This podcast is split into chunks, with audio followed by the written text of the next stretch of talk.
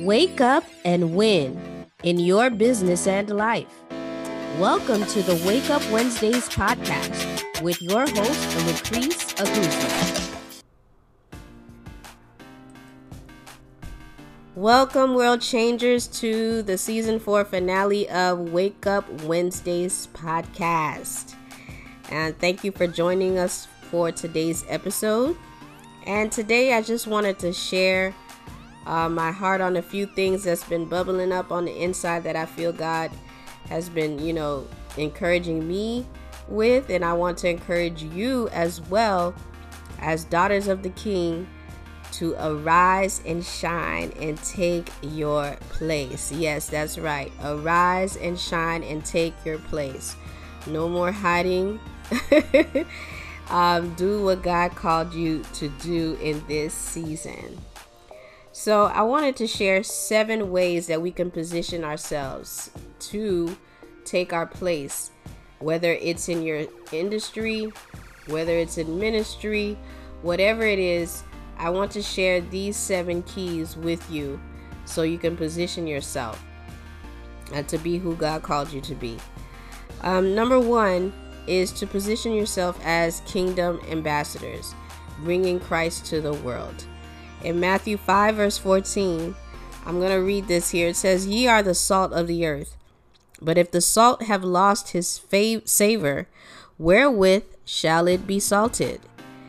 It is thenceforth good for nothing but to be cast out and to be trodden under foot of men. You are the light of the world. A city that is set on a hill cannot be hid. Neither do men light a candle and put it under a bushel but on a candlestick, and it giveth light unto all that are in the house. Let your light so shine before men that they may see your good works and glorify your Father in heaven. So that's what a kingdom ambassador does. A kingdom ambassador lets their light shine. Notice what it says it says that they may see your good works and glorify your Father which is in heaven. They didn't say um, that they may see how many Bible verses you know, or they didn't say um, how good you can pray or how spiritual you are. No, that they can see your good works. So, the first thing as a kingdom ambassador, we act as king's kids. So, they have to see Christ, okay? In order for us to bring Christ to the world, we ha- they have to see him in us. That's the key thing. Um, it's not Bible thumping, it's not being religious, but it's just being who Christ called us to be and allowing his light to shine in us. And another key thing I wanted to share with this is that you are the salt of the earth. One thing you need to know about salt salt brings healing, salt brings taste, um, salt brings solutions to dry situations. Like, imagine you eating some, you know, some food and it don't have no salt, you're not really gonna like that food. So, in a world that needs healing, in a world that needs solutions, you can position yourself as a kingdom ambassador to bring that solution. So, we don't want to be trodden under and good for nothing. Absolutely not. God created us to be the salt of the earth, He created us to be the light of the world. So, I wanted to encourage you with that. Be a kingdom ambassador. The next way is to position ourselves as watchmen. Um, watchmen in the Bible, um, they were, you know, prayer warriors. That's what they did. Um, in Isaiah 62, verse 6 through 7, it says, I have set watchmen upon thy walls, O Jerusalem, which shall never hold their peace day or night. Ye that make mention of the Lord, keep not silence and give him no rest till he establish and till he make Jerusalem a praise in the earth. So the watchman's job was to ensure that they stay on the on post day and night until God establishes the purposes and plans for whatever city, whatever nation um, that they were assigned to. So you, you're assigned to a sphere of influence. You, you are assigned to a an industry. You are assigned to a ministry. You are assigned to your family. So we have to position ourselves as watchmen and watch and to contend for the promises that God already placed on your heart, you have to contend for that thing. You have to pray. You have to believe and, and um, push through until God establishes that promise. You know, it's not, it's one thing to hear about the promise and to read it, but it's another thing to contend. So, as watchmen, we have to contend and pray over until we see what God promised come to pass. The next way is to position ourselves for wealth. I would love to introduce um, a story I read in Romans 6, verse 16, verse 1 through 2. It's about a woman of God named Phoebe. And I want to read this passage of scripture to you. It says, Let me introduce to you our dear and beloved sister in faith, Phoebe, a shining minister of the church in Cenchrea. I'm sending her with this letter and ask that you shower her with your hospitality when she arrives. Embrace her with honor, as is fit- fitting for one who belongs to the Lord and is set apart for Him. So, provide her whatever she may need, for she's been a great leader and champion for many. I know, for she's been that for even me. So, this is Romans 16, verse 1 through 2, the TPT translation. So, she's a champion, okay? She was a champion for Paul for those and she she was a person of noble wealth and she was able to do things for the kingdom of God because she was in a position for wealth. So imagine us as Phoebes or you know you could say your name, okay? imagine when we have wealth we're able to do more when uh, for the kingdom we're able to do more for humanity we're able to help the poor. We're able to bring those solutions and be that salt in action. You know what i'm saying? So wealth positioning ourselves for wealth is important. Wealth is not a bad thing. So wealth is a good thing when it's when the right master is directing okay? So i want to share what champion means in the greek. It champion in the Greek, it means the one who goes first. It implies great status and a leading officer for many. So you are a leader in your industry. You are a leader in what you're called to do. So you are the champion. Girl, yes you are. You are the champion. So be like Phoebe, okay? Pray and pray that same anointing that Phoebe had for wealth. Um, to be a champion and to do what she called to do with her money, with her finances. Pray for that same anointing. She was most likely very wealthy and she was a blessing to others. And another thing, she was a protecting patroness, meaning um, somebody that protects and covers. She was able to do that with her wealth. And she was able to take care of the affairs of others that were in need. And so, just like Phoebe was a champion for others, you can be a champion for whatever cause that God called you to be. Maybe you're you're a champion for you know the marginalized. Maybe you're a champion for you know those who are the you know poor. Maybe you are a champion for those who you know experience racism. Maybe you're a champion for for those you know who are trafficked.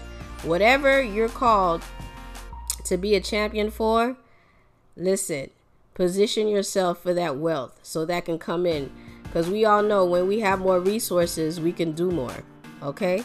So pray for that. Pray that you position yourself for wealth. Next, position yourselves for your families. Yes. Contend for your family. Fight for your family, whatever it takes. In Proverbs 31, verse 27 to 28, it says, She watches over the ways of her household and meets every need they have. Her sons and daughters arise in one accord to extol her virtues, and her husband arises to speak of her in glowing terms. That's right. Position yourself for your family. You watch over the ways of your household. That's right. And you know, as mompreneurs, whether you're a mompreneur or whether you're a single mom, however the situation is, position yourself for your family and watch over your the, the watch over the affairs of the family. Next, position yourself for your city and your nation. So you're not just here to impact your family, you're not just here to impact your your your industry, you're here to impact the city and the nation that you're in. Remember like we said before, we are light. We are the light. So wherever neighborhood, you are the light. You bring the change. You you bring the atmosphere, okay? You're not just a person. You bring the atmosphere. You can change the atmosphere. So you have to position yourself for our cities and for our nations. Be the change that the city needs. Be the change that your nation needs. Instead of talking about it, be about it. and a good example of a nation shifter was Daniel. He was a nation shifter. Um, he was in a high position. He was placed in a high position, but he also interceded for his nation. So he was a prayer warrior, but he was still high position. He interceded for his nation and his city, his community, and he stood and contended for God's promises. And he changed a whole nation. Okay? A whole nation. Yes, he was. And a little bit of context his nation was in exile. But listen, he said God he came to God and he was like, Lord, I know we in exile now, but God, you promised this what would happen for our nation. And he contended and he fasted and he prayed um, until that promise came to pass. All right. And change in our community, change in your community starts with your devotion to God and intercession.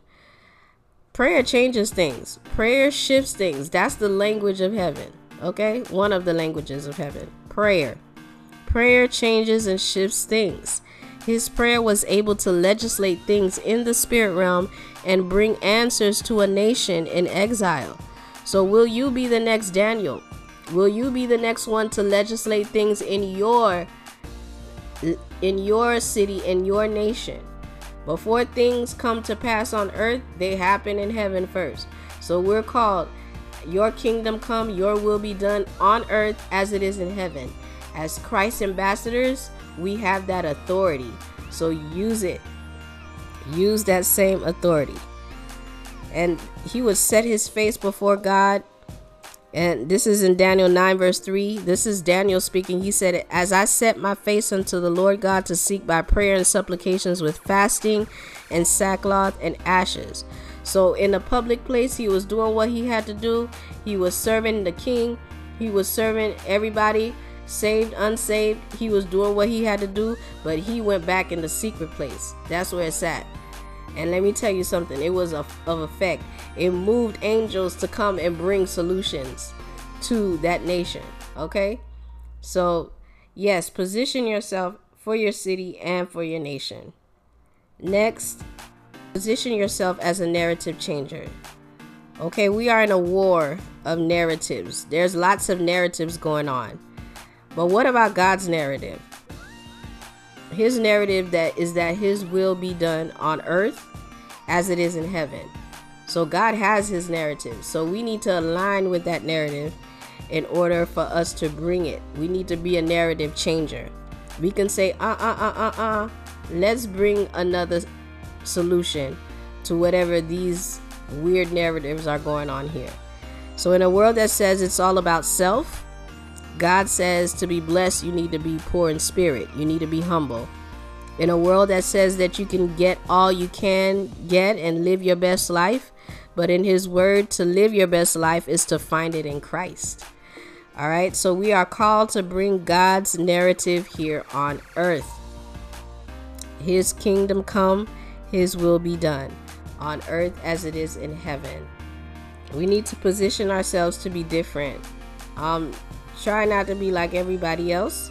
You are a chosen generation, a royal priesthood, a holy nation, a special people, um, that you may proclaim the praises of Him who called you out of darkness into His marvelous light. So to so people could see the change and the transformation that happened in you, and they will glorify God for that.